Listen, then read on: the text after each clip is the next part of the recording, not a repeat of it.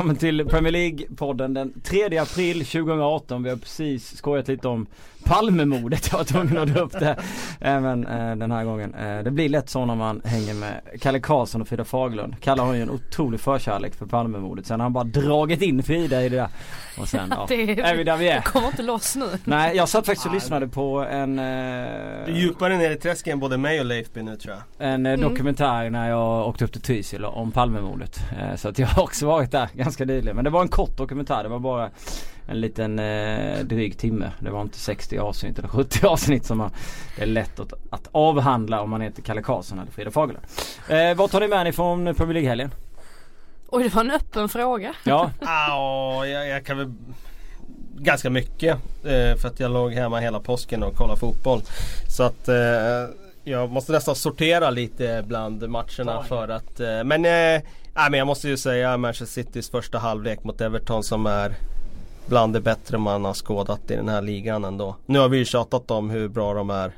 Men eh, det här var ju ytterligare en påminnelse om att de når en nivå i år som man sällan sett i den här ligan. Det säger ju lite när Fernandinho har 14% bollinnehav. Eh, Everton hade väl typ eh, 18 var det va? eh, Fernandinho hade alltså nästan mer boll på egen hand än hela Everton.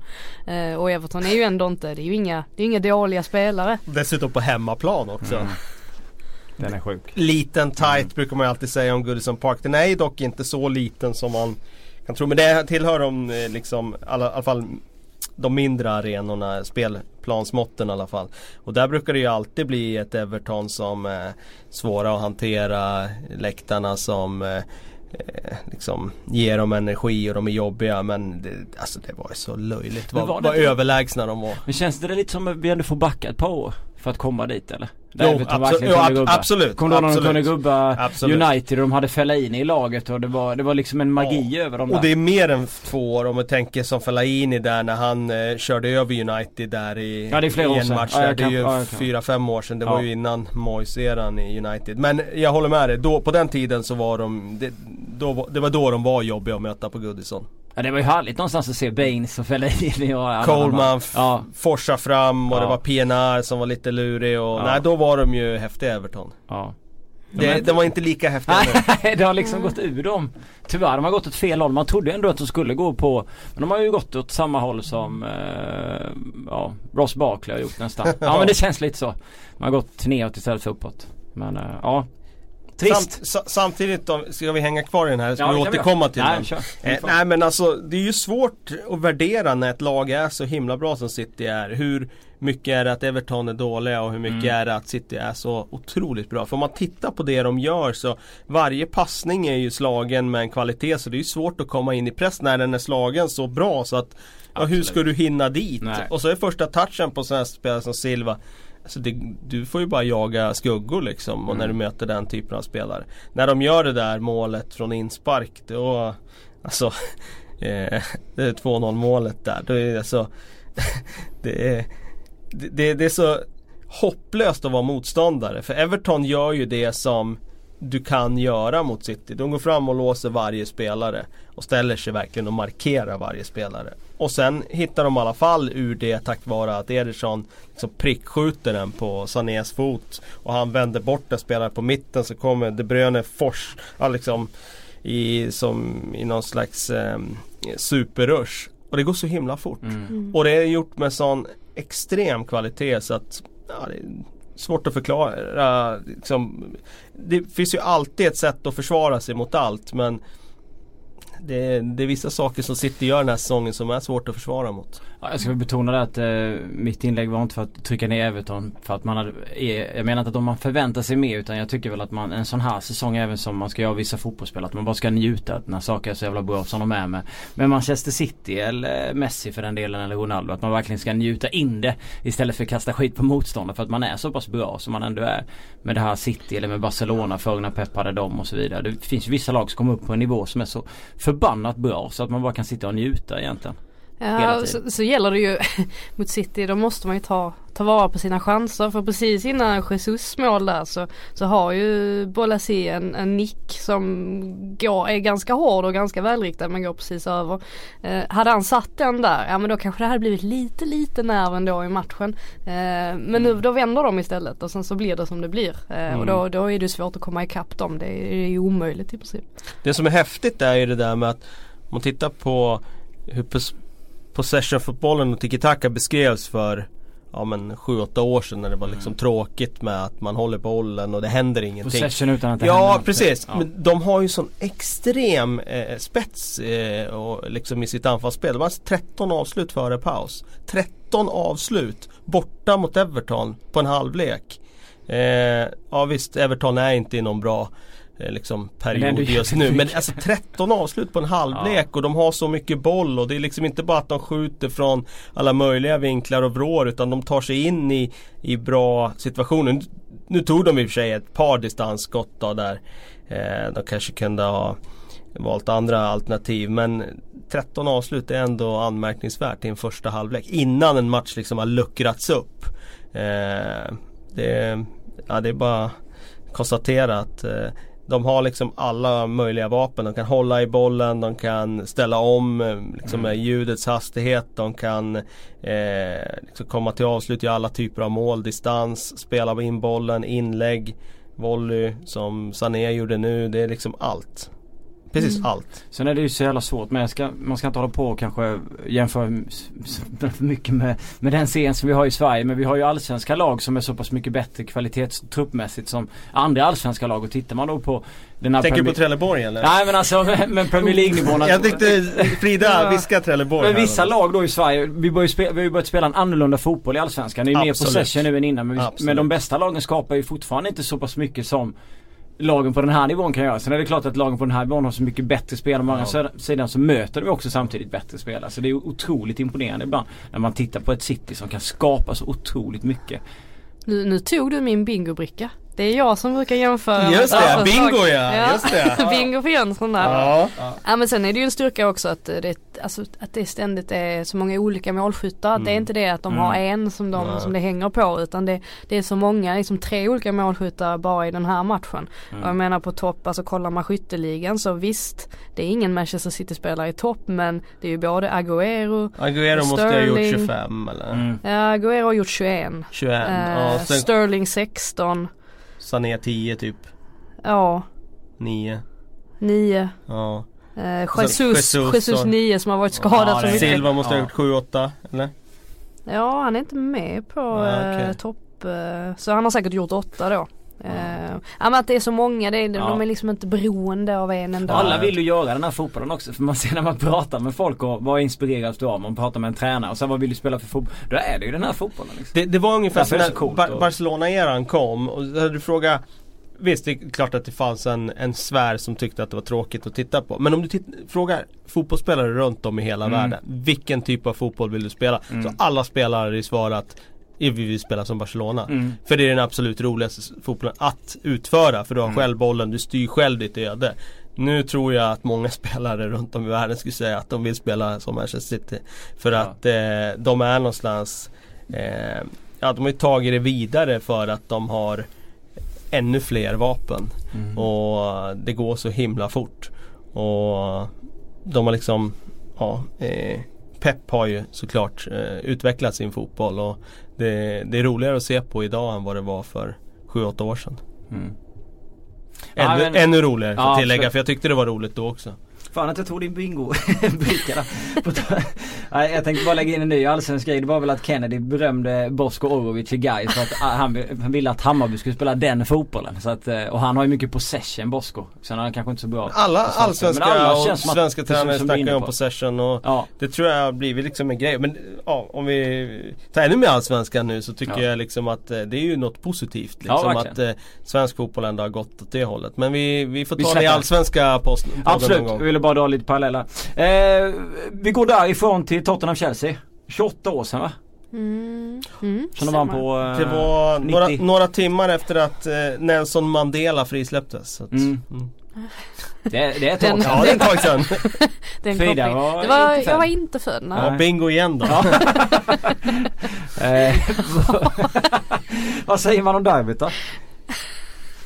Jag tycker Chelsea gjorde det bra första halvlek. Eh, ta ledningen kändes rätt så vassa. Sen eh, eh, kommer ju ett mål av eh, liksom ett sånt där ögonblicksverk som eh, man, man kan ju säga så ja, de, klart de borde eh, inte tillåta Eriksen att skjuta. Men det är ganska många gånger på en match du har en mittfältare som står ungefär i den där positionen och du är inte där och stör. Och det händer ingenting. Den här gången så bara skickar han in en bomb som är helt otagbar.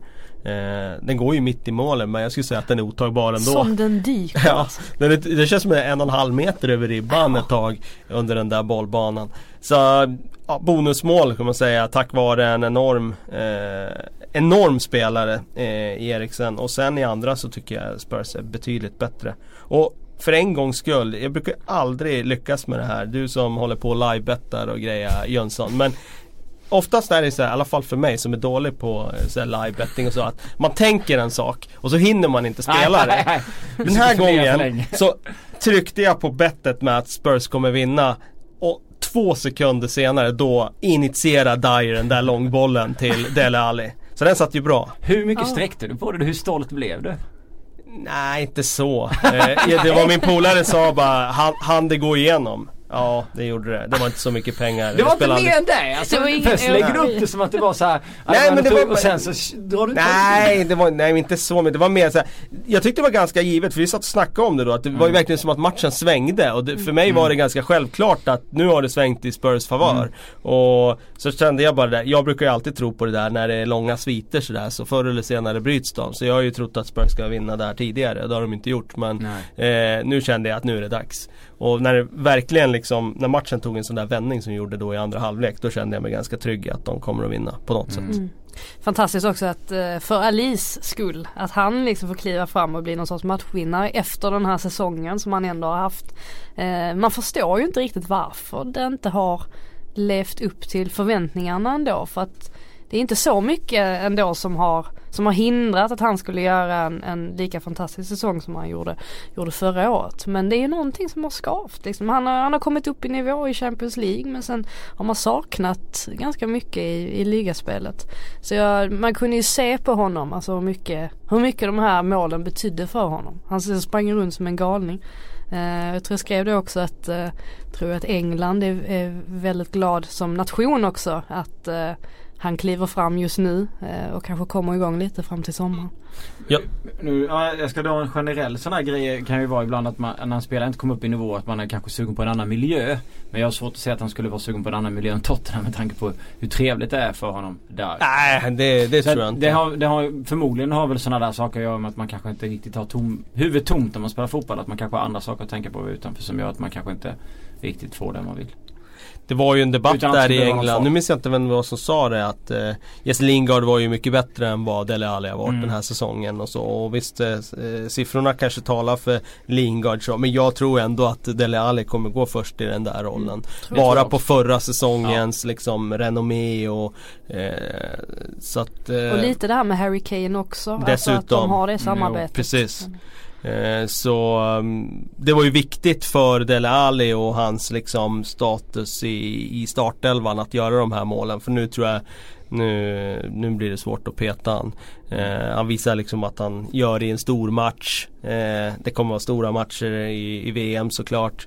Eh, och det är i och för sig den förmågan har ju Lingard också. Men Jo. nu när Dele Alli visar den som har varit startspelaren så blir det nog eh, svårt för Lingard att peta ut den. Och Jag är glad att dessutom, båda har den förmågan att vara bra i den åldern och vara från det landet. ja jag blev lite förvånad över att Harry Kane faktiskt var tillbaka i spel. Jag vet, jag vet inte varför, har tiden gått mycket snabbare än vad jag har trott? Ja, men men det jag kändes skadad. Eh, Nej, han blev skadad borta mot Bournemouth där. När han eh, sprang på en offside-boll och... Eh, Det kändes inte som så länge Keepern sedan. va. Ja, vad är det, hur länge sedan är det då?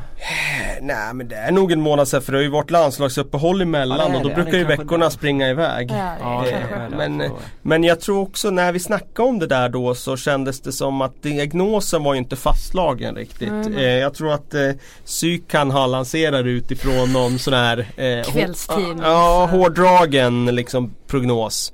11 mars. Eh, Det var Bournemouth. så, Det är mindre än en månad. mm, det, Ja, nej det är ju tre Mm. veckor då. Så det är såklart en eh, jätteboost för, för England framförallt. För jag Mm. menar för. Tottenham spelar ju inte så stor roll. Jag Nej. menar de är ju Ja, efter den här segern så är de ju klara för Champions League i praktiken och de kommer inte vinna ligan och det blir varken hit eller dit. Så men för Englands del är det ju otroligt viktigt att få komma tillbaka och spela matcher nu innan turneringen. Så det inte blir som Wayne, Wayne Rooney när han var i superform 2006. Blev tacklad av Paulo Ferreira. Kom till VM ur form, Ja, hade inte spelat matcher var och var kul. katastrof i turneringen. Ja. Det var inte värdigt han. Ja, han har ju alltid haft svårt i, i de stora turneringarna sen EM 2004 egentligen. Jo. Tråkigt. Eh, men eh, Conte, Sven Vialli var ute och snackade i Sky Sport Italia. Såg ni det? eller? Nej, Att han såg fram emot att lämna klubben enligt Vialli. Ja. Ja, det kan vi nog eh, räkna hem. Men om, om vi tittar på det där. Eh, Mourinho vinner med Chelsea. Ryker säsongen efter. nu har det inte gått eh, så dåligt för Conte. Eh, som det gick för Mourinho. Han var väl på, vad var han, på 13 plats eller någonting. Det var Walker Ja den var ju men det extrem. Ja. var det ena med det andra och i Contes fall ska det vara att han inte riktigt får köpa och sälja som han vill och sådär. Men en, en, en någon slags förbannelse att vinna med Chelsea ett år och sen Ja men det, det är inte den första heller. Nej, nej, det Ancelotti det. vann Ja, exakt. och ryker året efter. Varför blir det så här då? Men det är väl Abramovic någonstans. är han så Alltså, svår? Ja, det är väl många säkert som har problem med sättet som han vill styra klubben på och Mm. inte acceptera att man kanske får en, en liten annan typ av roll där man inte får vara så involverad i, i spelarköp exempelvis. Det har ju Conte varit väldigt tydlig med nu i ett, snart ett år. Eh, att han Mm. inte f- får bestämma så mycket och det verkar inte passa honom och det verkar inte passa så många andra heller. Men nu har ju Abramovic bränt av ett par tränare. Tror han bara, har han sånt självförtroende som tänker att jag hittar en ny som gör samma sak igen? Eller har han aldrig tänkt att fan det kanske är bättre att jag lämnar över det till en kompetent person och sen får liksom han, det känns ju ändå som att han har släppt greppet lite över Chelsea som han hade tidigare. De var ju väldigt hands-on och så vidare. Sen vet man ju inte eftersom man inte har någon transparens i den klubben och Nej. insyn. Så man vet ju inte hur beslutsordningen går. Men det, känslan utifrån är ändå att han har släppt lite grann eh, jämfört med vad han hade tidigare när det var hans Jo, verkliga Men leksak inte och baby. för att Conte ska känna sig nöjd. Nej verkligen inte och eh, jag menar jag, jag tror att han tänker att eh, den som sitter här på den där stolen det är bara en eh, robot, en utbytbar liksom. Det är Han bara att plocka in en är Ja, en Luis Enrique nu eller vem Ja. det nu blir. Ja. För att eh, eh, det måste vara tränarens fel liksom. Men är det rätt då? Tycker ni att det är rätt? Nej det tycker jag inte. Däremot så är det klart att man känner ju på Antonio Conte att han inte har den rätta energin för det. Och det var ju samma sak med, med Ancelotti då när han fick gå också. Att, Mm. eh, det var inte Känslan var att eh, det, var, det stod inte riktigt rätt till år två. Eh, och samma sak med Mourinho, det var ju helt oundvikligt då. Mm. När de låg på, vad sa du, trettonde plats eller vad Mm. de låg. Så att utifrån hur saker och ting har utvecklats så tycker jag inte att det är jättekonstigt att de Nej. här tränarna får gå. Men det är klart att det är någonting jättefel i strukturen och i, i arbetssättet om det här är liksom ett återkommande tema, vilket det är i den här klubben. Sen har ju Mourinho kört sina race i lite andra klubbar också men, men det här kanske var någonting som gjorde att det blev som det blev för han också i, i Chelsea. Det vet man inte. Han håller ju på som han gör i andra Ja, det klubbar. var väl det där när Abramovic började dyka upp på träningarna. Ja. Det, det, det var ett säkert tecken på att liksom, det börjar gå ut för. Det var, eh, Mm. jag vet inte om han har dykt upp. Han har väl dykt upp på några träningar den här säsongen. Jag, jag tror jag har sett något sånt där bildbevis typ. Men eh, Mm. vi får väl se vad som Eller så är det händer. en gammal bild som publiceras Kommer, kommer han i sin helikopter då som landar liksom vid sidan av plan då stiger Mitt ut? på planen. Ja just det. Mitt i, eh, i Mitt i en eh, övning. Ja precis i kvadraten där. Ja. Liksom. Mm. Är vi klara med Chelsea Tottenham? Ja, det är om Har du är klar. tillägga? Nej men alltså vi är ju kvar där om vi är kvar där liksom. Jag känner att ma- schemat ska inte styra. Man måste ju- man får inte tappa en bra följdvinkel eller fråga i ett snack. Men annars kan Ja, vi vi kan gå vidare. Ja, tre vinster på 21 matcher. Kan vara en av de sämsta eller så är han den sämsta i VBAs historia. Den första managern att bli sparkad på annandag påsk. en vinst på 18 matcher låter ännu sämre. Ja det gör det. Ja. Tappade respekten i, omklädningsrummet. Eh, han började med tre anfallare för att göra statement. Så blev det två för att han ville vara liksom annorlunda Tony Pulis. Han ville liksom eh, skicka någonting till anfallarna som var liksom inte det som hade varit innan med Tony P. Jag läste faktiskt en text där med Matt Wilson som jag tyckte var helt underbar. För att få fram den Alan Pardew egentligen är. Sen var det inte så underbart vad han har hållit på med. Tryckt ner massa unga spelare och använt Evans och Barry trots eh, Taxigate och hela den här biten. Eh, och så. Uselt ledarskap. Nu är han i alla fall sparkad. Ja, det var ju inte jätte, inte jätteoväntat va? Nej, jag tänkte ju ett fel är ju att plocka in honom från början men fel, alltså fel två är ju inte två, eller ett rätt liksom. Jag tycker att de borde ha sparkat honom klart mycket tidigare vilket jag har sagt men ja, nu känns väl det som att hans eh, tid i, i Premier League, är, är det över? Är över? Alltså han kan inte få en annan klubb efter det här. Nej rimligen eh, så bör han ju eh, Enda sättet att ta sig tillbaka är att gå ner någon Någon division och ta något lag upp i så fall Och komma tillbaka det, eh, på den vägen Eh, Jag kan inte se att någon annan klubb skulle satsa på honom nu, nej Men samtidigt så har vi ju kunnat konstatera att eh, klubbar vänder sig ju gärna till de där tränarna som sitter i det där eh, ja, ekorrhjulet som snurrar runt Mm. när det väl blir kris någonstans. Så man kan inte utesluta det helt men det skulle förvåna mig. Men å andra sidan, mycket har ju förvånat den tidigare när det gäller sånt där. Men eh, det är bara att konstatera att vissa av de här rekryteringarna som gjordes i vintras där har fallit väl ut. Roy Hodgson till exempel. Mm. Eh, Men han är ju en tränare som alltså har någonting. Alltså han är inte bara, alltså Pardew är ju egentligen bara en inspiratör som kan komma in och, och funkar det så funkar det. Kolla Palace, kolla eh, Newcastle under en säsong. Mm. Eh, men sen han liksom mm, taktisk, han kan ju ingenting som jag ser det. Han är ju ingen bra tränare. Han är ju bara, så att det är, det är stora skillnader där. För mig. Ja. Ehm, vi kan bara konstatera att eh, det här var ett, liksom ett, eh, ett under misslyckande såklart.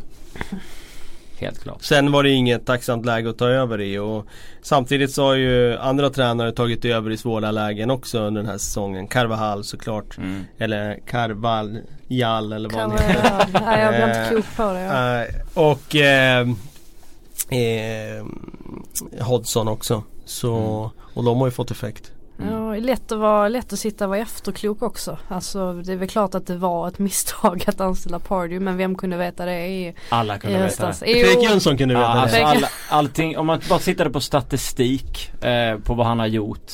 När det verkligen liksom Ja, gäller under, så att då är det jävligt mycket skit. Men ville man ha en snabb effekt så, Ja. så trodde man kanske att Pardew skulle kunna leverera det. Ja, jag köper aldrig, inte när det gäller Alan Nej okej. Eh, Titta vad han har gjort tidigare. Han har fått sparken från andra klubbar. Han kom till Newcastle och gjorde en bra säsong där som inspiratör och alla liksom gick över en nivå som han egentligen inte var. Och sen eh, hade han katastrof där. Sen så kom han till Palace inspirerad under en period. Men sen i det långa loppet han skulle vara tränare och bygga någonting. Så gick det käpprätt åt helvete. Och det här såg man ju. Alltså VBA måste ju vetat om det. Som jag ser det. Vad han inte har gjort. Samtidigt som det här, den här tränarkarusellen vi pratar om den var ju i full gång just då. Eh, helt plötsligt så var det rätt många tränare som blev plockade. Mm. Eh, och då står man kanske där och, och då har man kickat tränaren och så vet man inte riktigt vem, vem ska vi ersätta med. Ska vi påbörja något nytt eller ska vi försöka liksom lappa ihop det här. Eh, och då körde man på lappa ihop det och det Facit i hand var, var ju inte det rätt beslut men det är också lätt att, lätt att sitta och säga i efterhand att För, för jag håller med och jag menar om du tar som West Brom så det var ju inte läge för dem i den situationen de var att ta liksom en visionär som ska bygga på sikt heller. Nej. Alltså det har de ju inte resurserna Nej, för nu och material för. Utan de, de, de, det de behövde var ju en krislösare. Mm. De behövde ju typ Tony, de behövde ju typ Tony Pulis. Mm. Bara det att det var han de sparkade. Mm. Eh, så hade inte han varit där hade det varit han de hade anställt antar Mm. jag. Eh, men eh, nej, uppenbarligen var det ju inte Alan Pardew heller. Nej det är en dålig rekrytering. Jag menar det finns ju inte bara Nu får det låta som att det bara skulle finnas liksom Tony att plocka in i det läget eller ingen alls. Och bara, Nej, det är klart han, att, han alltså, är väl den stora experten på att lösa kriser. Så har han ju varit. Ja det har, varit, åren. det har varit det kännetecknet i England. Men jag menar att det måste finnas, måste kunna titta lite bredare. Man måste kunna ha hittat någon annan, någon annanstans. Sen det är klart att man kan inte eh, plocka vem fan som helst. Men jag tycker att det är en extremt dålig rekrytering som de gjorde. Det sa jag redan då eh, och det kommer jag nog alltid hålla fast vid. Men det är ju min... det tar du med dig i graven tror jag. Ja absolut. Men, men det intressanta är ju, hade de åkt ur om Tony Pulis hade stannat? Det får vi ju aldrig veta Nej. såklart, det är en hypotetisk fråga. Men han har ju aldrig åkt ur en liga. Nej. Nej. Och hade de åkt ur med honom, eh, det kan man ju fundera över och det kommer de säkert själva fundera över också. Det är klart att de hade stagnerat och gått in nästan i väggen när, i det läget när de sparkade honom. De såg ju inte bra ut alls Nej. då. Men, men återigen, han har, aldrig, han har aldrig åkt ur en liga. De låg precis över strecket när Mm. Allan tog över va? Och nu är de 10 poäng Ja. under strecket. Nej eh, det är klart man kan ju inte sparka han heller och ta tillbaka eh, Tony. Bara tja, kan du komma tillbaka hit? Det går ju liksom inte. Nej, det, Så att då har man kastat tärningen så får man ju leva med det sen. Eh, Zlatan drog. Victor gle- spelade från start med United. Gör väl sin bästa insats eller? Första halvlek tycker jag han var riktigt, riktigt bra. Finns det ett Eh, samband där? Zlatan dör. Vigge kliver fram. Gör sin bästa. så vi hittar någonting där. Nej, skojar. Men det är kul.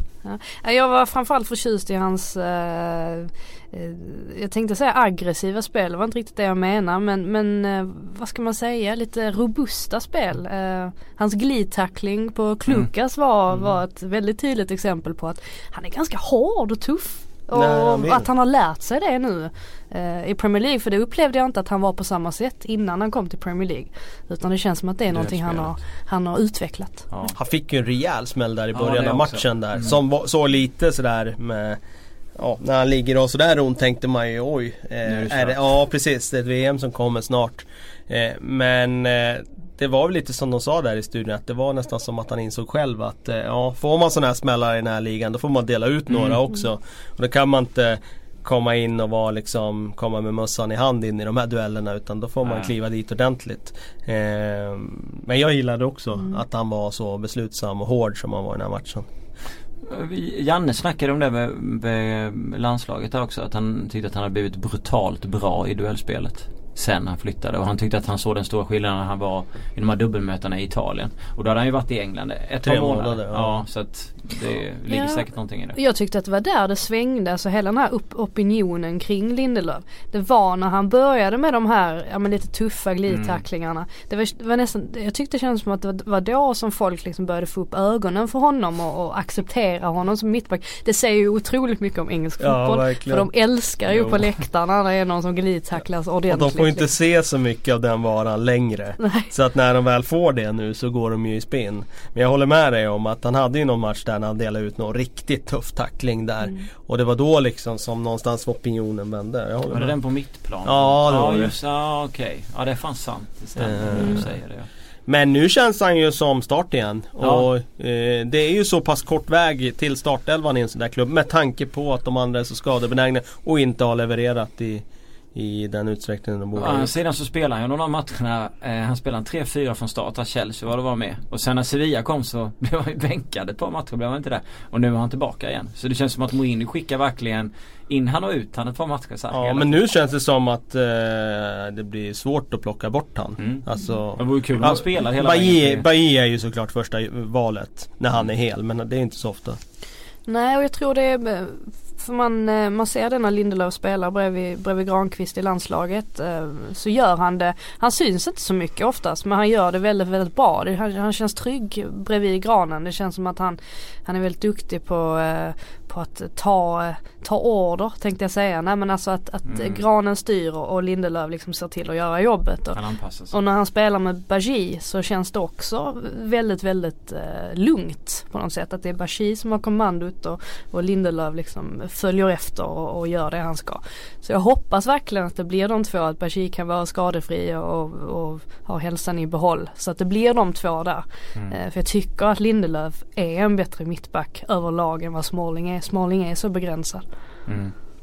Men han lärde väl sig kanske mycket i Benfica där och vad heter han, den rutinerade? Luisao. Exakt, han spelade ju med honom i, i början, gjorde han inte det? Jo, där någonstans. Han kanske lärde sig mycket. Mm. Just när, där du är inne på Frida. Att han, ja, och nu har han granen där eh, i landslaget. Nej men det, det sa ju eh, Robin Olsen snackade mycket om det. Han älskade ju att spela med Erik Johansson. De var det bara i Köpenhamn, Erik Johansson och vad heter han den andra som lirade där? Nu hittar jag inte det namnet men han sa Per att det- Nilsson eller? Nej. Nej Eh, det är en dansk. Ja, okej. Ja, eh, har jag för mig. Men han, eh, Sanka eller? Ja, ja det var det förresten. Jo det var det. Jo just det. För att båda var borta nu, så var det. Eh, Och han älskade att lira med de två. Så då upptog Granen och Vigge sa han att det var samma sak för han i landslaget. Att de passar så pass bra och det är så lätt att lira med dem. För när eh, Robin de gjorde det i Köpenhamn den säsongen med Erik där innan. Eh, innan han försvann Sanka och innan Erik blev skadad så var de ju asbra verkligen. Och han känner ju typ samma sak med Vigge och, och, och Granen. Mm. Så nej men jävligt roligt att eh, om man får spela hela vägen fram till, eh, till VM. Kan vi verkligen behöva. Ja, man kanske ska säga någonting mer om United. Kör. Jag, mm, positivt eh, överraskad tänkte jag säga. Det är kanske fel ord men eh, jag tyckte att man såg någonting hos United som man har saknat i ganska många matcher eh, över säsongen. Eh, bara en sån eh, enkel grej som när Pogba tappade bollen. Eh, så tänkte man, jaha, ja det var ju, det var ju synd. Men så eh, tog det två sekunder så hade han vunnit tillbaka den igen. Eh, att det var en sorts beslutsamhet som jag tycker ändå har saknats eh, i ganska många matcher. Exempelvis mot Sevilla när, Mm. de, när de åkte ur. Eh, så det var, det var kul att se eh, tyckte jag.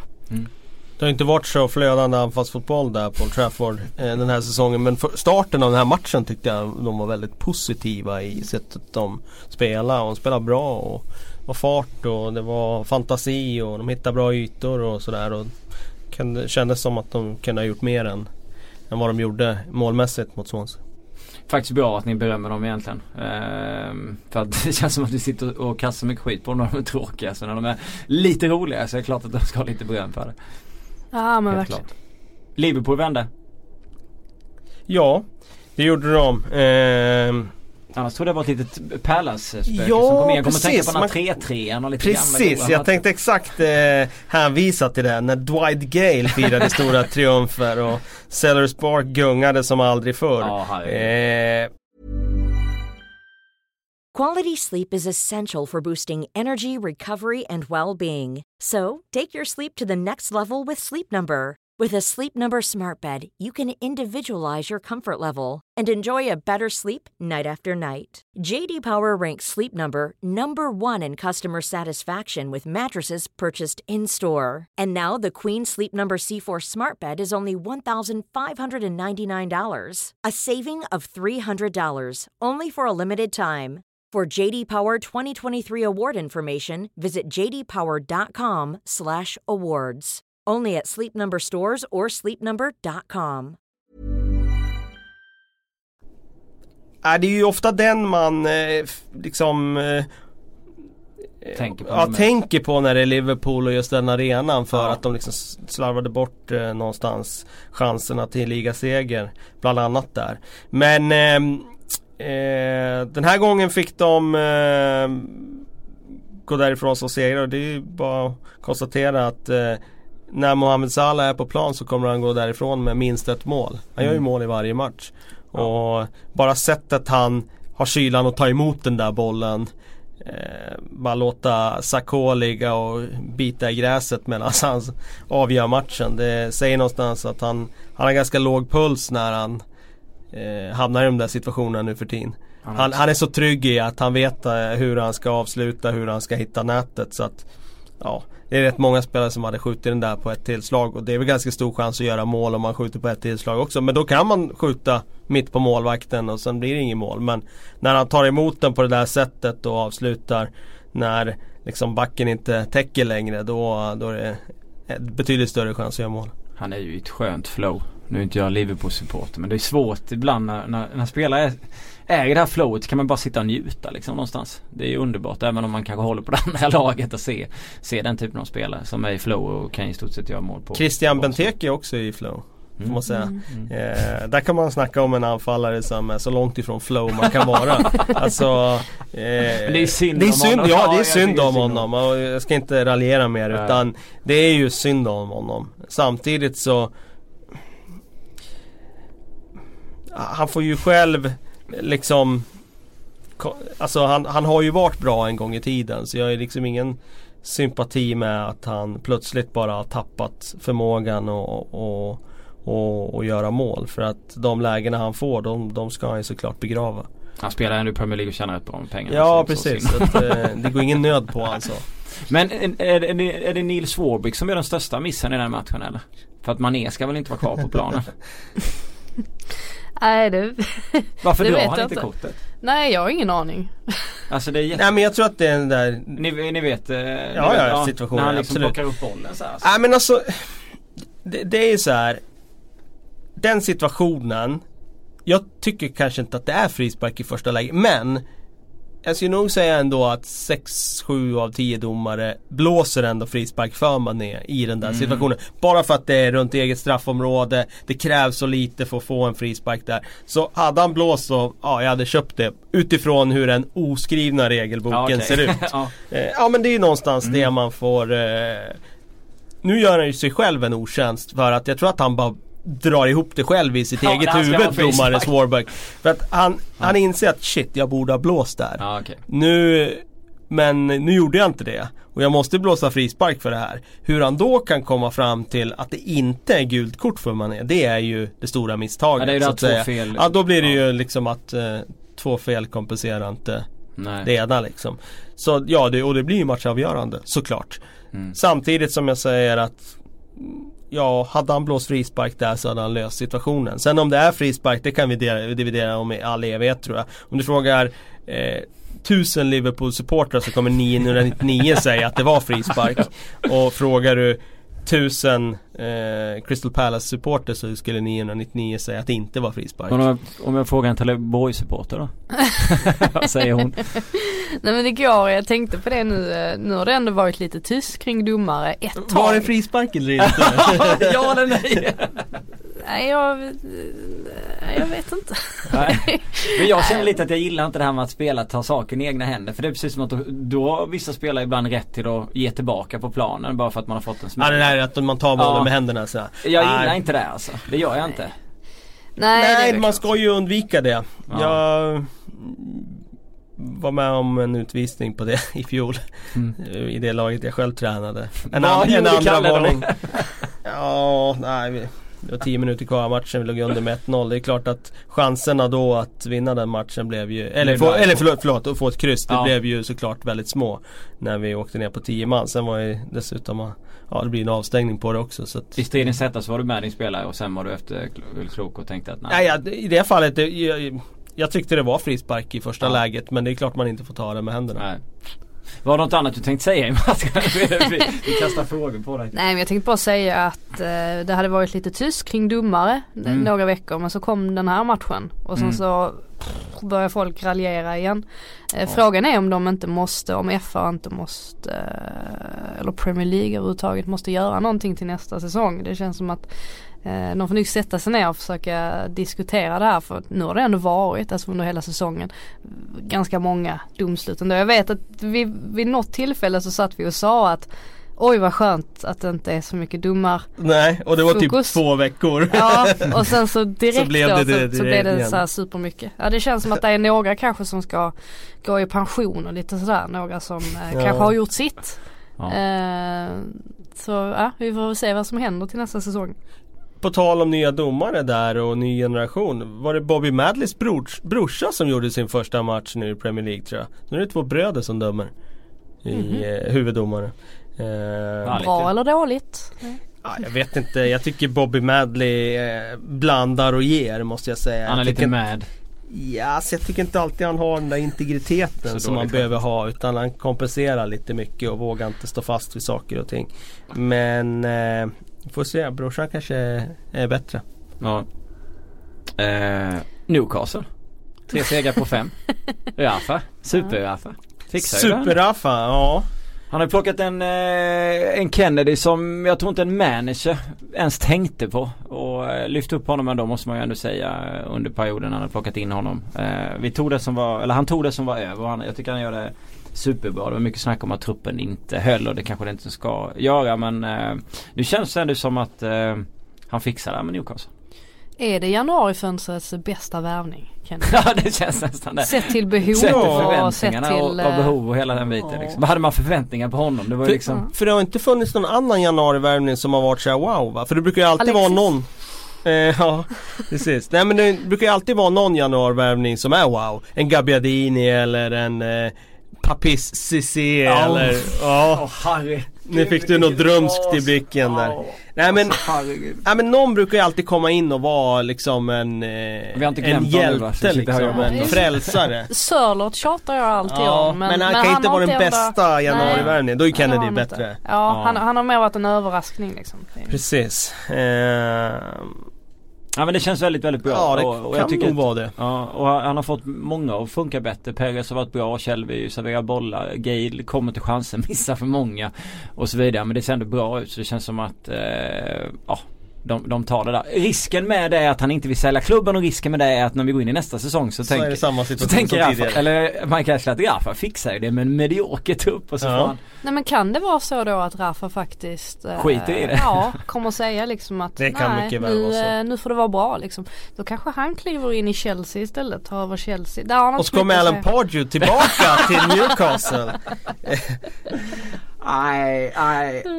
De, de bara blir nostalgiska och tänker på säsongen Då lovar jag att jag- då lovar jag att 2011-12. jag flyttar dit och motstrid eller kämpar för att Det kommer nog vara fler som, Ja, som, eh, som kämpar för det. Nej men eh, jag gjorde någon sån här granskning av bottenstriden här inför Ja. helgen här och jag konstaterar utifrån eh, utgångsläget, utifrån det programmet de har kvar och eh, konkurrensen då kring det där strecket så ska Newcastle klara sig. mm. Och nu med segern här och så så bör de väl göra det. Jag vet hur jag själv resonerade. Jag lyssnade på podden i, i början av året när jag inte var med men ni pratade om Newcastle. Det känns ju inte som att någon här inne i studion kanske trodde att det skulle funka så pass bra som det ändå har gjort. Ah men Eller har man det funkat så Ja, men pass man bra? klarar ju Alltså nu sig, ska liksom. jag granska, Ja, ja, men de man klarar ju sig. jag menar, Jo, men det det- är väl tillräckligt bra eller? Jag, jag, jag ville faktiskt påpeka att jag trodde att de skulle komma bäst av nykomlingarna. Och då var ändå, har vi ändå Brighton som har gjort det. Ja, kanske det bara var psyk som tyckte att de hade en trupp som inte höll då och att de skulle åka. Ja, men, Nej jag tyckte ja. inte de har någon, jag sa nog också att de inte hade så bra trupp och de kommer ligga där nere. Men de jag menar de är ju spelat inbla- fantastisk de har ju varit inblandade i Ja, ja, jo, men, de, nedflyttningsstriden. men de klarar ju ändå sig jag menar om de kan komma där 13, 12 eller vad, vad det nu kan bli. Då Men- tycker jag ändå att det är bättre än vad... ja, ja men absolut och jag menar placeringen är ju eh, 12-13, den är ju bra. Den är ju Ja. riktigt bra. Men jag tycker det där med placering är Jo, intressant Ja. utifrån att det, det, ofta i Premier League så skiljer det tre poäng mellan Ja, till, 10 till plats till, ner till 18. typ. 18. Ja, Och det är klart, det är en seger. Det är liksom ett stolpskott i en match som är skillnad mellan 10 Ja. och 17 liksom. Och, ja. Jag tycker inte man ska väga så mycket utifrån tabellplacering utan mer då i så fall poängskörd Mm. mer än tabellplaceringen. Mm. Ja men nytt kontrakt för mig är ju, det är en bra säsong liksom. Det finns inget mellanting, det är det du säger. nej, nej, Åka ur fiasko, stanna kvar. Nej jag säger, inte att, jag säger inte att åka ur är fiasko. Jag säger att åka ur var det nog det som folk förväntade sig om man såg på truppen. Folk förväntade sig nog att de typ skulle åka så ur. här många plankor. Att Med de var ett-. Men med ett Huddersfield, med ett Brighton som kommer upp, med liksom ett eh, Burnley som Jo, men inför bara- säsongen var liksom gå en tillbaks och lyssna på planka. vad folk, gå tillbaks och kolla vad folk skrev och lyssna på vad folk sa. Att de skulle när, när de inledde säsongen som de gjorde. Stryk mot Tottenham, Ja, stryk ja, mot Huddersfield. absolut. Ja, och går ja, du tillbaks lite och första- lyssnar då och absolut. och- Första matchen, då absolut. får gärna Ja, men det. Men liksom. inser ni inte att det här var planen hela tiden? Benitez har liksom påtalat det här på varenda presskonferens bara för att hålla nere förväntningarna. Det är en konspiration med Mike Ashley och det har ju lyckats hur bra som helst. Så sitter vi här och hyllar, tokhyllar Ja. Newcastle. Som Äh, liksom inte ens... Han är ett geni, det är det du, det är det du vill säga. Det är Mike Ashley är ett perfekta geni. planen. Nej men att, eh, att, eh, att Rafa är ett geni det är ju, det är ju sant men eh, Ashley är en idiot det är också sant men ja. Nej men jag, jag tror för mig att Rafa sa någon en gång här nu att han ändå hade blivit lovad att få använda en del miljoner för de här tv-pengarna till nästa säsong. Men det vet man ju aldrig andra sidan vad Jag kommer ihåg när Alan Pardew satt och lovade nej vi ska inte sända, sälja Andy Cole, bam och så gick han till Liverpool sen. Han var tvungen att ljuga för för Mike Ashleys skull. Är det något annat ni vill eh, bränna av i, i, i PL-avsnittet innan jag går in på fråga? Det är fritt här nu. Oj, fria ordet. Ja, jag det, tycker det, att det är inte ofta är vi får bra. möjlighet Nej, men jag att tycker att prata det är om bra. vad som helst. Så att, Om man har några tankar. Tankar och funderingar. Mm. Ja, alltså att West Ham ändå tar en väldigt, väldigt tung 3-0-seger mot Southampton. Eh, med en Arnautovic som helt plötsligt har eh, kommit igång igen. Eh, precis när de behöver det som mest. Mot Southampton. Ja. Men de eh, Southampton mår väl så dåligt. Ja de finns, gör ju ingen, det. finns ingenting kvar där. Eh, Eller? ja, Vad tror ni? Ja, alltså där, det var ju liksom en, en möjlig eh, chans där att knapra sig Ja uppåt. lite men nu känns det verkligen Eh, kört. och nu drar ju liksom West Ham ifrån lite lite grann två poäng. Ehm, så att nej. Det blir Och där har vi det laget som inte har bytt tränare. De flesta har ju gjort det där nere. Mm. Det är sant. Tio lag i ligan har bytt tränare nästa säsong. Det är helt sjukt Det alltså. är mycket. Ja. Det är hälften. Ja, fy fan. Och det är ju, sen ska man ju då, då ska man ju gå fram och tillbaka och dividera hur mycket tränarna som var där bestämde hur trupperna skulle se ut och hur mycket har de fått, alltså Ska vi väga det fram och tillbaka, det är ju en väldigt lång diskussion men ibland är det inte alls rättvist och i vissa fall så kan det säkert vara mer rättvist än i andra fall. Ja, Alltså i Southamptons del så, så kan man ju tycka att de fick hybris alltså redan från början med Poel. Alltså när de helt plötsligt inte var nöjda med honom trots att han, Mm. han gjorde ändå en, en eh, ganska bra säsong. Mm. Eh, men nej då var det inte tillräckligt rolig fotboll och det, det kostade. Mm. Kalle, något annat? Mm, nej, jag tror vi fått med det mesta. Nu kör vi questions. Eh, Kevin. Han är inne på det vi har varit inne på. Tar Pardew över Chelsea nu? Och hur kan ligans bästa tränare få sparken varje säsong byta ägare? Jag antar att han menar Chelsea då eller? Med Conte, eller menar han? Jaha, ja. Jag, jag trodde Ja, han menade det- Pardew. Jag blev ja. helt... Eller menar han Pardew bäst? By- by- Byt ägare i West Brom. Ehm, ja vi har ju varit inne på varför, varför de får sparken där. Det är ju utifrån att eh, det är en speciell klubbhierarki. Ehm, jag tror inte Pardew tar över Chelsea. Jag tror att eh, han kommer att få vara arbetslös nu ett tag. Eh, jag tror att eh, Chelseas tränare nästa säsong heter Luis Enrique eller Simeone. Lossar de Simeone alltså? Ah, jag tror Luis Enrique eller Max Allegri. möjligen Max Allegri. Du har ju en gemensam nämnare där med Pardew med Västerås. Det är inte så att han går till VSK. Det hade varit något va? Det hade varit något. Ja, det hade varit något. Ja. Absolut. Eh, Peter Fritzson, vad är sämst? PLs domare eller Allan Pardew? Men alltså.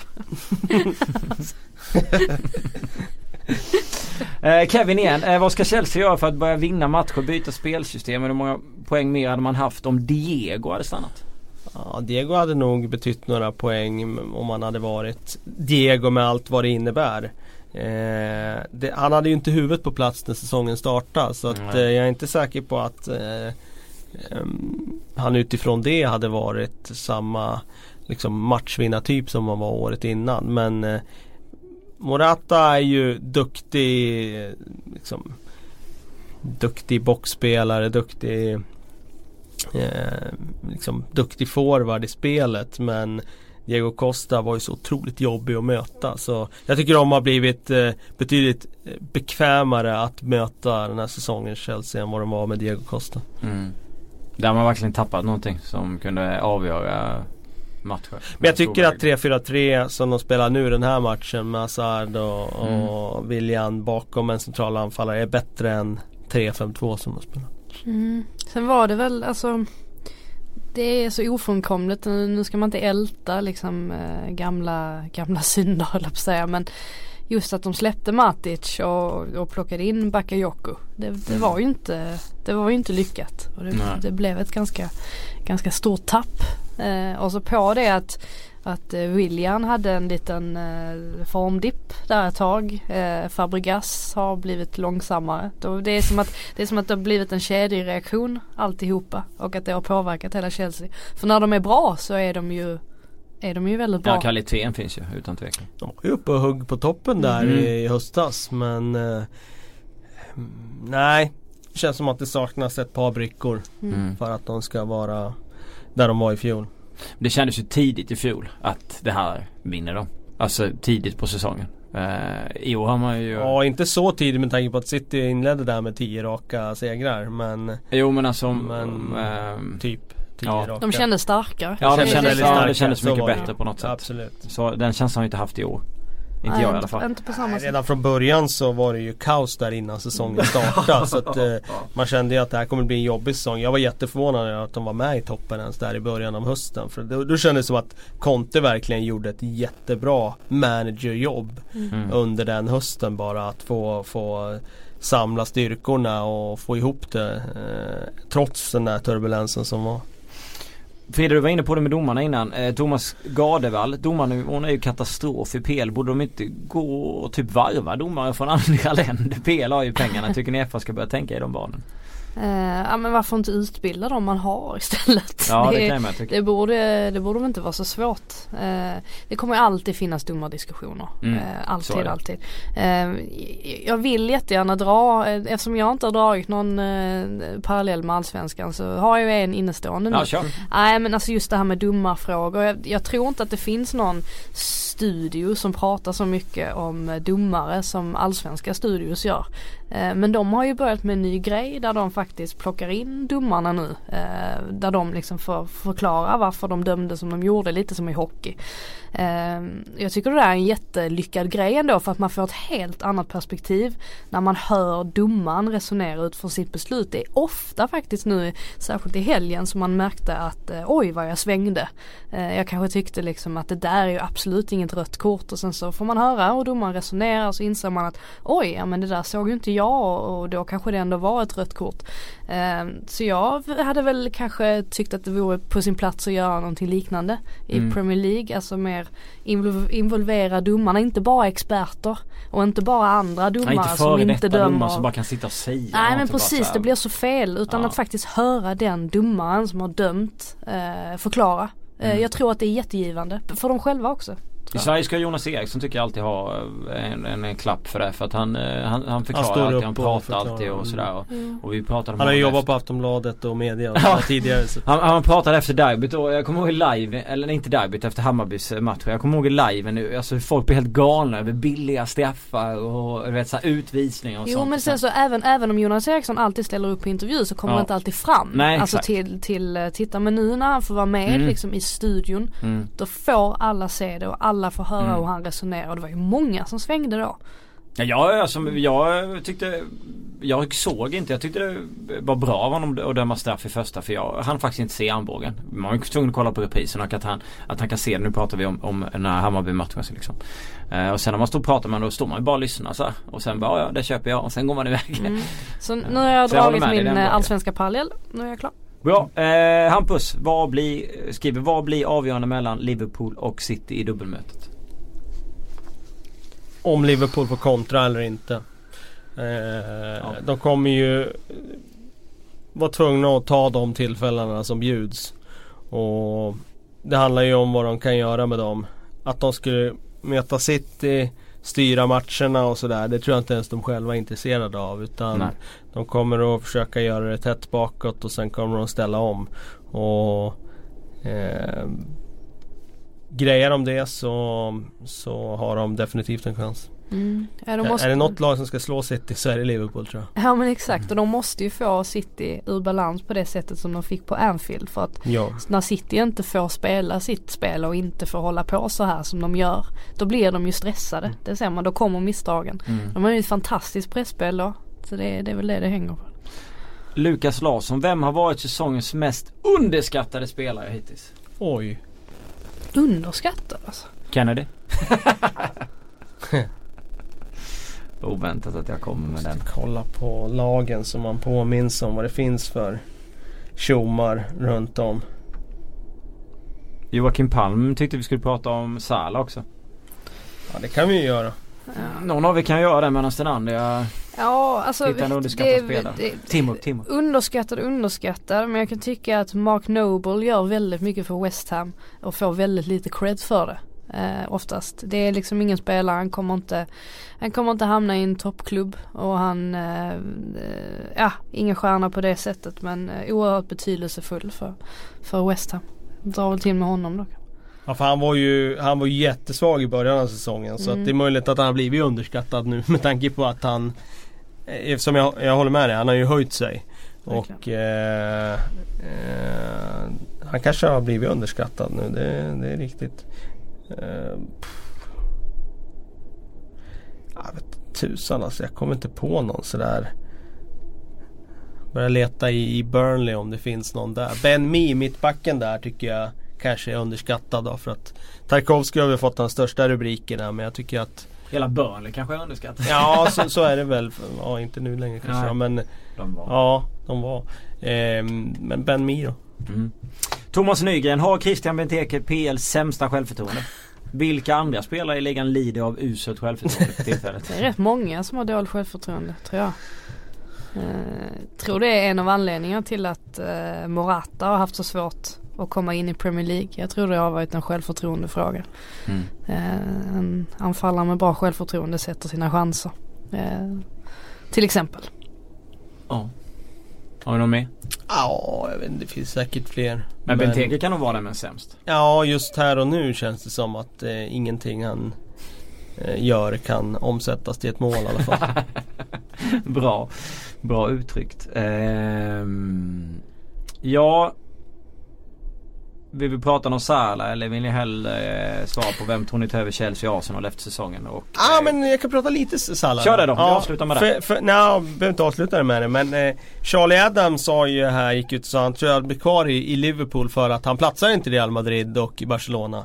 Det tyckte jag ändå var ett intressant uttalande för att jag tror nog att eh, eh, Real Madrid tycker det är superintressant med Salah på en högerkant om Bale försvinner i sommar. Eh, Ronaldo kvar såklart. Eh, och sen ha Salah på en högerkant. Det är... Eh, jag skulle bli förvånad om han inte platsar där. Men jag tyckte det var konstigt att han sa att han inte skulle platsa i Real Madrid. Nej men på tal om just Bale. Ja, eh, Kommer han tillbaka till Premier League? ja det tror jag. Nej det tror jag också. Och var hamnar han? Är Ja, givet Tottenham? Eller vad? Nej, United, alltså det måste ju vara en klubb United, som kan Chelsea betala. kommer ju vilja vara intresserade. Sen tror jag att han kostar mer än vad han smakar. Men borde Ja. han gå till Tottenham? Ja, borde och borde. Det är mycket man tycker borde. Det är klart att det vore nostalgiskt och fint om man gick tillbaka till Tottenham. Men kommer de kunna slanta upp den lönen han vill Vill ha? göra det? Nej men bytesaffär med Harry Kane rakt av. Ja, oj. En, Populärt. Den är jobbig så kommer han dit med sina ännu mer skador och producerar en mindre mål. Det ja, nej, den är sådär. Men, men eh, min veckans eh, Salah-spaning det var eh, att Salah sa att han, eh, det bästa med att spela fotboll det är att göra människor glada. Och när vilken annan fotbollsspelare som helst skulle säga ett sånt klyschigt uttryck så hade man inte trott på det en sekund. Men när Salah säger det så kan jag faktiskt tro att han menar allvar. För han känns så oerhört ödmjuk och så oerhört snäll som Men du hade inte tänkt samma om Zlatan hade sagt det menar du? Vi ska inte ens gå in på det. Nej det, det finns nog någonting där eh, med Salah. Man, man, man tror på honom när han pratar. Eh, på det sättet. Ja, men ska vi bara sluta med, avsluta med den där Gabbe 97 Gabriel. Vem tror ni tar över Chelsea? Du sa ju några namn där. Ja. Så vi, vi kan ta, vem tror ni tar över Arsenal efter säsongen och Mourinho rätt man till United? Om inte, vem hade varit bättre? Han har ju förlängt så det känns väl som att han kommer bli kvar där. Kommer Både inte... Arsenal och United, är det de vi ska... Ja, Ja. Men jag börjar med Arsenal då. Jag tror att en sån som Thomas Tuchel eh, skulle kunna vara intressant för Arsenal. Mm. Han känns som en eh, duktig klubbbyggare. Eh, eh, kanske inte gjorde det superbra i Mainz, men, eller, eller förlåt i Dortmund den sista, sista tiden. Men eh, jag tror att den typen av profil på tränare skulle vara bra för Arsenal. mm. Verkligen. Nej, jag, ehm, jag vill också ha en liten tysk eh, liten. influens En liten i, tysk. i eh, Nej men alltså att, att det ska svänga lite från nu har det varit Frankrike ett x antal år. Nu får, nu får det komma en tysk våg. Eh, sen om det blir Tuchel, eh, det hade jag också tyckt var ett spännande val. Eh, men annars eh, tror jag faktiskt att Julian Nagelsmann, han hade nog kunnat smälta in rätt bra i Arsenals eh, hela kultur och vad den klubben står för. Eh, tror jag faktiskt. Sen Manchester United där, den är ju intressant tycker jag. För han har förlängt kontraktet, ja men det har vi också lärt oss i fotbollsvärlden Mm. att det behöver inte Betyder betyda inte så mycket. Nej. nej. Utan eh, Jag tror ju att de skulle eh, bli betydligt bättre med tränarbyte där. Ja. Och, eh, skulle lyfta dem. offensiva Ja, de skulle lyfta de individuella spelarna på ett annat sätt. Och Mm. Jag tror för Uniteds del det absolut bästa namnet Det skulle vara Maurizio Pochettino men det blir nog svårt Ja. att, att lösa den biffen. Så att eh, vem ska de plocka in då? Den är inte så enkel. Alltså jag tänker mig om, om Emery får, får kicken eh, från just PSG. Mm. Så kan ju han möjligtvis vara ett, ett eh, alltså lite mer intressant val. Det är ändå Mm. lite speciellt att träna Manchester United. Det ska ju vara ett, eh, ett tyngre namn, alltså någon som har Mm. erfarenhet av att är det. träna en storklubb. Jag tror att Emery får kicken från PSG. Tuchel tar över PSG. Emery hamnar i United och sen kommer Carlos Ancelotti till Arsenal. Åh jösses vad rörigt. Men det, st- det stämmer säkert. Det Ja varför inte? Det är en bra Det är en Mm. bra eh, karusell där. Men, eh, men eh, De är ju fina karusellerna när de väl händer. Ja. Man bara sitter och njuter och hänger med. ja, Det just blir snurr. Men vad tar Ja, Mourinho vägen då? Ja det, Vem exakt, det var det, det var det Ja, jag men funderade över. Vad tar Mourinho- Mourinho Är det vägen? Benfica? Ja han drar tillbaks Eller tar han. West Brom? Det Efter Allen? West Brom i Championship. Ja, han tar ju bara klubbar som har mycket pengar så det är ju Kina han åker till och, och tar eh, dyra, eller liksom rikaste klubben där. Ja, jag tror eller att han bara vill... Italien kanske Ja men vad finns det MLS för rika kanske? klubbar? Ja just Sen kommer filmen om Mourinho. Ja men om man, om Allegri drar, då blir det kanske Conte som kommer in därefter. Usch. Det, det är ju väldigt är ju intressant. också Ja, det, han är ju med i den där kategorin Mm. av premiumtränare. Men det är ju intressant med Mourinho tycker jag just med vilken klubb kommer att ta honom härnäst. För det kändes som att Manchester United de tog honom för att City tog Pep och de var tvungna Mm. att ha ett absolut, Mm. ett av de största namnen. Men han har ju inte man kan vända och vrida på sig att han har vunnit titlar och så vidare. Jo. Men vi kan konstatera Utifrån de resurserna han fått använda under de här åren så har han inte fått Manchester United att eh, prestera. Eh, och de har inte spelat i närheten av den Nej. fotbollen som de borde kunna göra. Det blåser inte Men- positiv vind. Nej, det blåser ingen positiv vind och dessutom när man ser vad När de ser vad grannen gör Mm. eh, liksom nästgårds då, då blir ju en, kontrasten ännu större. Vä- Väldigt intressant att se vilken klubb som vill plocka Mourinho. Om han skulle gå i sommar. Mm. Vilken klubb tar honom då? Ja, jag tycker det är få av de allra största klubbarna som borde titta åt hans håll då. Det är vad jag tycker. Men det, den, den frågan kittlar ju typ mer hos mig än vem som tar över United. Ja, ja, ja absolut. Ja, exakt. Det, Det är kul ändå att man liksom vill följa en tränare mer än oftast För jag har ju tyckt att han har varit utdaterad rätt länge. Ja. Eh, och eh, ja, det ska bli kul. ja. Det här var också kul men vi har rullat en timme nu. Mm. Så nu stänger jag butiken. Tackar för mina två gästspelare så kommer Syk tillbaka och eh, med sitt Spela planerade bingo. körschema, massa. Liverpool och, Och den, eh, och massa bingo. mm, mm, mm. Eller vad är det han gör när han liksom ska övergång? Hum hum, ja det är något sånt hum. Han hummar lite. Tack så ni för att ni har lyssnat. Eh, Tack Frida, tack Kalle. Ha det gött.